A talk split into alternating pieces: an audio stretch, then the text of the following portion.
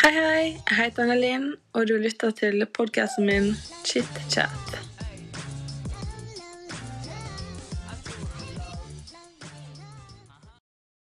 Det er bare mørk og stormfull aften. Nei da. Hallo, alle sammen. Um, long time no see. Nå har det begynt å bli en stund siden allerede jeg podda. Det har jo vært halloween, og det har vært bursdag. er Min bursdag. Så um, ja. Tida har gått fort, for å si det sånn. Og dette her blir en um, det blir en special episode, dette her også. Flere har sendt meg forespørsel om jeg ikke kan gjøre, ha en true crime-episode. Eh, Fordi at hvem liker ikke true crime? Det er omtrent alle, alle som hekter på det for tida. Og det er jo kjempespennende, så det er jo veldig forståelig at folk har lyst til å høre mer true crime. Og nettopp derfor um, For at det er jo vært uendelig mange sånn true crime-dokumentarer, eh, serier, altså whatever, på Netflix og Viaplay og ja, alt. Og det har jo vært så mange Det er jo True Crime-podkasten, eksempel, og det er jo skrekkpodkast, og der er jo alt mulig. Så det var litt sånn vanskelig å skulle finne ja, finne en historie, da, eller en Ja. Finne en historie. Finne en true crime-historie som kanskje ikke så mange hørte om. For det jeg tenkte at de aller mest kjente seriemordere og på en måte Det er jo ikke vitsen å ta opp en gang, for alle har jo hørt det en million ganger før, eller sett dokumentaren. og Sånn som Ted Bundy, for eksempel. Sant? Alle vet jo hvem han er. Jeg håper i hvert fall alle vet hvem han er. Eh, Det er jo vært Netflix dokumentarserie, og det er jo film av Zac Efron osv. osv. Men nå bare rambler jeg. Let's get to it!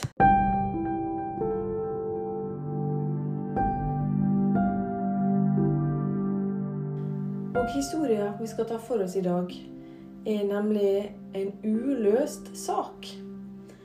Og derfor blir jo det et mysterie. Og denne historien heter 'Mysteriet i rom 1046'. Og av alle mordmysterier som fins der ute, så må historien om Roland T. Owens være ett av de største. En historie som blir gjentatt og gjennomgått igjen og igjen uten at noen blir klokere av de underlige hendelsene som foregikk i Kansas City i 1935. Det var en iskald ettermiddag den 2. januar 1935 at en stor, velkledd mann i svart frakk ankom hotellpresident i Kansas City, Missouri, USA. Han var høy og breiskuldra, med et stort arr i ansiktet og blomkåløre. Blomkåløre er et resultat av slag eller vold mot ørene, der de hovner opp og samler væske. Huden skilles fra brusken, og når væska forsvinner, gror det mer brusk. Ørene ser hovne og klumpete ut, nesten litt som blomkål. Derav navnet blomkåløre. Det er veldig vanlig blant boksere og kampsportutøvere. Mannen hadde ingen bagasje med seg, foruten en kam og tannkrem, og ba spesifikt om et rom uten utsikt til gata. Han betalte for rommet i kontant, og signerte som Roland T. Owens, med adresse i Los Angeles. Piccoloen Randolph Probst fortalte at etter å ha fulgt Owens til hotellrommet og se han legge fra seg det lille han hadde av bagasje, forlot Roland T. Owens hotellet.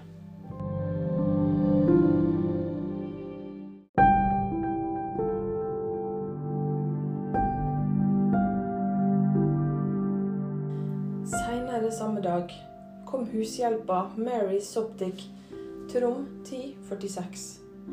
Rommet var mørkt. Både persienner og gardiner var lukket, og den eneste lyskilda var ei dus lampe i hjørnet. Mary fortalte seinere at Owens virka engstelig, men rette seg opp da hun kom inn. Han forlot raskt rommet, men ba hun la døra stå åpen når hun gikk. Han venta besøk. Rundt klokka fire samme ettermiddag kom Mary tilbake til rommet for å gi Owens nye håndklær. Og hun fant han liggende fullt påkledd på senga. På pulten klarte Mary å lese en lapp som sto balansert mot veggen. Don, jeg kommer tilbake om 15 minutter. Vent. Mary forlot rommet. Morgenen etter, den 3. januar, kom Mary tilbake for å vaske igjen, men døra var låst. Og den var låst utenifra. Hun brukte universalnøkkelen sin for å komme inn, og fant Owens sittende i mørket igjen. Persienner og gardiner lukket, men den samme lampen tent. Owens snakka i telefonen og virket anspent og opprørt, men vinka hun inn. Mens Mary vaska rommet, overhørte hun deler av samtalen, og på et tidspunkt sa den nervøse mannen Nei, Don. Jeg vil ikke spise. Jeg er ikke sulten. Jeg har nettopp spist frokost. Nei, jeg er ikke sulten. Mary vaska ferdig og tok med seg Owens skitne håndklær. Da hun senere returnerte med nye, hørte hun to mannsstemmer fra rommet. Hun banka forsiktig på og spurte om de ville ha nye. Og svaret kom fra en mørk, sint stemme som sa at de ikke ville ha håndklær, og ba hun gå. Rundt klokka ett den natta meldte en annen gjest på hotellet om bråk fra rom 1046. Ei kvinne og en mann, kanskje to menn, som krangla høglytt.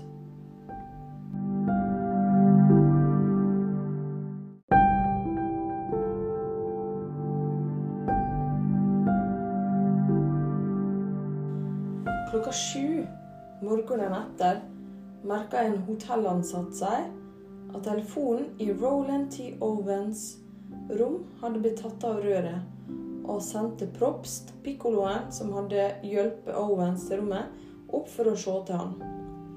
Da pikkoloen banka på, ba en mannsstemme ham kom inn og slå på lyset. Døra var låst. Propst svarte at døra var låst og banka flere ganger, men ingen åpna. Han ropte til mannen på innsida at han måtte legge røret tilbake på telefonen, og gikk. Gjesten i rom 1046 enten hørte ikke eller brydde seg ikke, for rundt halv ni var telefonrøret fremdeles ikke satt tilbake. En annen pikkolo, Harold Pike, ble sendt opp. Pike banka i flere minutter uten svar, og slapp til slutt seg sjøl inn med en universalnøkkel. Owens lå naken på senga med telefonen på gulvet. Preik tenkte at Owens nok var fyllesyk, og gikk bort og la telefonen tilbake før han forlot rommet.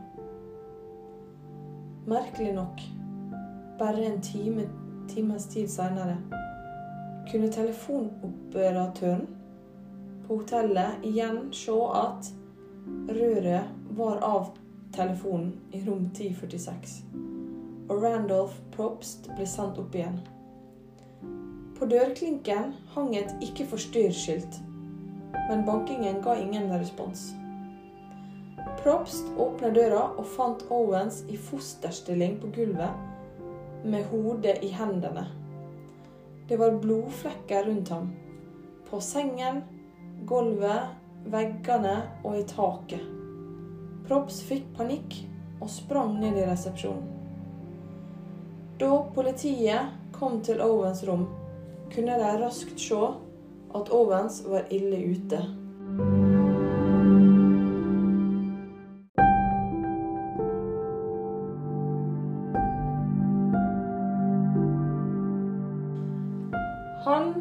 Blitt knivstukket flere ganger i brystet og i hodet. Med bruddskader over hele kroppen etter det som kunne se ut som slag og spark. Han hadde alvorlige blåmerker på halsen, håndleddene og anklene, og det så ut som han var blitt kvalt og torturert. Owens var så vidt ved bevissthet og fortalte at de tok feil. Han var ikke blitt torturert. Han hadde bare dødd i badekaret. Owens falt i koma og døde senere på sykehus. Politiet fant mye rart på rom 1046. Men det aller rareste var kanskje det de ikke fant. Ingen klær noen plasser. Og håndklær og toalettsaker hotellet disponerte, var også borte. En enorm mengde blod ble funnet i hele rommet, også på badet. Og politiet fant tre fingeravtrykk på lampeskjermen de mente tilhørte ei kvinne. To vannglass der ett mangla et skår, en utent sigarett og ei lita, uåpna flaske med svovelsyre. Foruten disse tinga fantes det ingen spor. Og politiet sto igjen som store spørsmålstegn. Men saken fortsatte å bli merkeligere.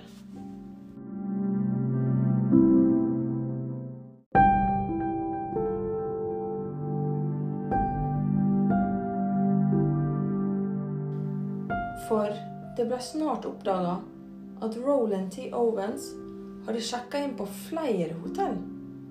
Muelbach-hotellet, The Kansas City Hotel og St. Regis Hotel bare dager før hendelsen under flere forskjellige alias, og en gang sammen med en annen uidentifisert mann. Etterforskerne forsto snart at Roland T. Owens heller ikke var mannens virkelige navn. Et tips kom inn fra en arbeider i byen som mente en mann hadde kommet opp til han i troa at han var en taxisjåfør. Dette skjedde samme dag som Roland sjekka inn på Hotell President. Mannen, Robert Lane, fortalte at den mystiske mannen var kledd kun i underbukse og T-skjorte, til tross for det iskalde januarværet, og han hadde et blodig sår på handa. Da Lane spurte mannen om såret, spytta mannen sint ut at han skulle hevne seg på noen, før han forsvant. Flere tips kom fra bartendere i området om at de hadde sett en mann som passa Owens beskrivelse, i nærliggende barer med flere forskjellige kvinner.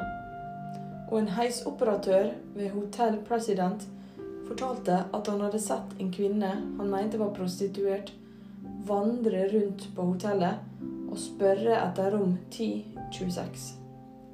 Siden kvinne spurte etter feil hotellrom, er det uvisst om hun tok feil, eller om hun hadde noe med Owens død å gjøre. Politiet utga skisser av Owens til mediene, men det virka som om ingen visste hvem mannen var. Ikke før den døde kroppen ble utstilt, dukka det opp flere som mente at de kjente mannen, inkludert en local wrestling-promotør som mente mannen hadde spurt han om å få være med på kamper. Han mente navnet hans var Cecil Warner, men heller ikke dette sporet leda noen plass, og Owens fikk merkelappen John Doe. John Doe, eller Jane Doe, er et navn som blir gitt til drapsoffer som av en eller annen grunn ikke kan identifiseres. Da politiet organiserte Owens begravelse, ringte en anonym mann som mente Owens var svogeren hans. At politiet var på villspor, og at Owens ikke skulle begraves i en umerka grav. Den mystiske innringen betalte til og med for begravelsen, med en stor bunk kontanter pakka inn i avispapir. Noe mer informasjon hadde ikke mannen, og det ble nok et dødt spor.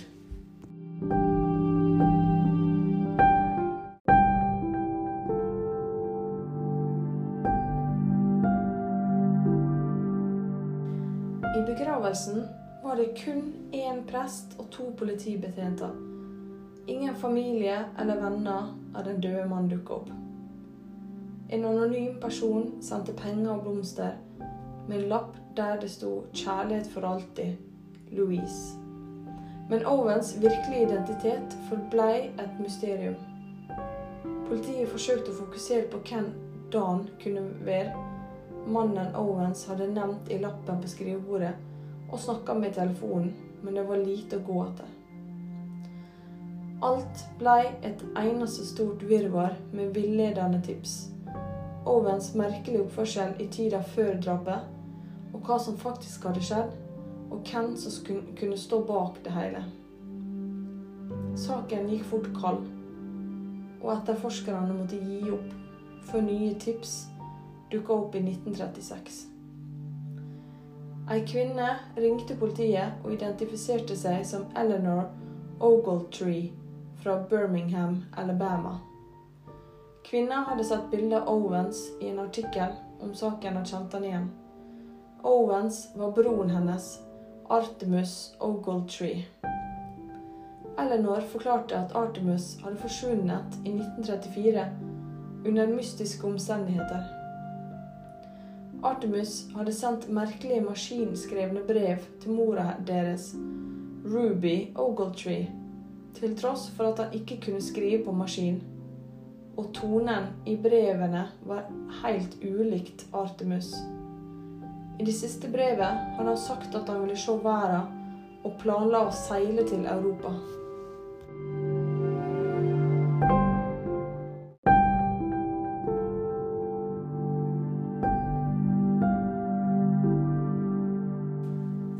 Ikke lenge etter mottok Ruby en telefon fra Memphis, Tennessee. Fra en mann som kalte seg Jordan, som sa at Artemus hadde redda livet hans og så reist for å gifte seg og bosette seg i Kairo, Egypt. Bilder av Artemus ble sendt til etterforskerne i Kansas City, og likheten var slående. Både Artemus Ogletree og Roland T. Owens hadde et stort arr i ansiktet. Men om Roland virkelig var Artemus, ville det bety at brevene og den underlige telefonsamtalen hadde hendt etter hans død. Var Artemus virkelig Roland? Hvordan endte han opp i Kansas City? Kunne den mystiske Jordan faktisk være Don? Hadde Don drept Artemus, for så å ha sendt flere brev og ringt til familien hans i ettertid? Og i så fall hvorfor? Hvem var kvinna som var involvert i det hele? Det var et lovende tips. Men om ikke lenge ble saken igjen henlagt, da politiet fremdeles ikke hadde noen bevis eller ledetråder. I løpet av åra har det dukka opp små tips her og der. Mest nylig i 2003, da en anonym person ringte til Kansas City Library. Bibliotekar John Horner tok telefonen der en person fortalte at de hadde rydda ut av et familiemedlems dødsbo og funnet ei hel øske full av avisutklipp som omhandla Owens Ogletree-saken. Men også dette tipset leder ingen steds. Teoriene er mange. Trekantdrama, psykose, at noen hadde hyra en leiemorder, eller at Owens var bedrept av mafiaen. Til tross virker det som om alle teoriene på en eller annen måte ikke passer overens med én eller flere av de snodige detaljene. Det var ingen vitner, ingen mistenkte, ingen bevis og ingen motiv. Hvem Roland T. Owens var, og hva som skjedde i rom 1046, virker som vil forbli et mysterium. Tror du Roland T. Owens var Artemus Ogletree? Tror du en psykose kunne ført til at den uidentifiserte mannen tok livet sitt på en så brutal måte? Hvem kan Don ha vært? Og tror du han hadde noe med mannens død å gjøre?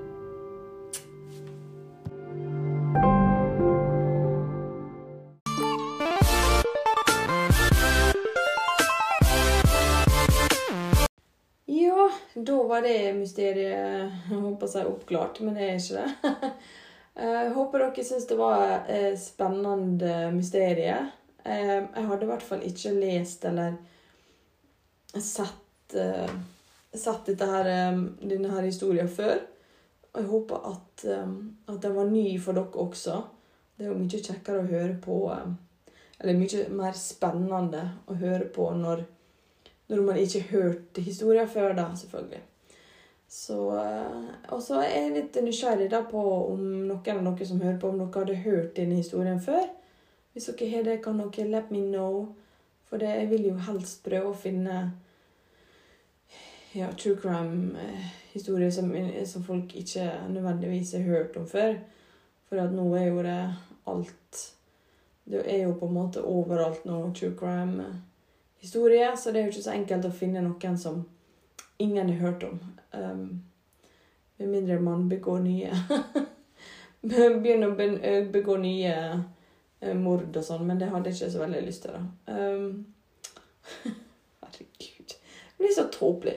Men uh, ja, jeg syns det var veldig kjekt å spille inn en true crime-episode. Jeg elsker true crime sjøl, og uh, siden jeg fikk flere forspørsler om å ha true crime på podkasten min, så vet jeg at det er flere enn meg som liker det og er interessert i det. Så jeg håper dere syns det var en spennende episode. Og så ja, skal jeg se. Jeg har allerede gravd fram Jeg har allerede gravd fram uh, et par uh, true crime-historier til som jeg i hvert fall ikke har hørt om. Jeg tror ikke de er så veldig veldig kjent, holdt jeg på å si. Uh, men um, ja. Så det blir flere true crime-episoder in the future. Så må, dere bare, må jeg bare beklage fraværet mitt på podkasten. Det har vært mye, som sagt, uh, som har skjedd. Jeg har hatt bursdag. Det hele november er jo egentlig bare bursdagen min. jeg har bursdag hele november. Jeg er jo skilte foreldre, så det er jo automatisk to bursdagsselskap bare der. Og så jeg har hatt to fest, bursdagsfester med venner. Så det Ja, nei, det går hardt, hardt for seg. Altså. Så er det Black Friday på fredag, og det, det blir jo bare psykotisk eh, Psykotisk stemning. Um, jeg driver jo egen network marketing business. Jeg har min egen nettbutikk og greier, vet du, for den som ikke har fått med seg det. Så det er jo crazy tilstander folk som skal bestille osv. Og, så og vi har så mange bra produkter på 40% så det er Nei, crazy, crazy. Så det, det blir kjekt. Jeg skal faktisk prøve å få ut en podkast-episode til løpet av denne veka her. Men jeg lover ingenting. For jeg vet med en gang jeg lover noe, så blir det ikke noe av. Så denne gangen skal jeg ikke love det. Jeg skal bare si at jeg håper jeg får det til. I hope, I hope. Og så ja, håper du som lytter, har kost dere med episoden. Tusen takk for at du har hørt på min podkast. Da blir jeg så glad. Velkommen tilbake til neste episode. Å ja.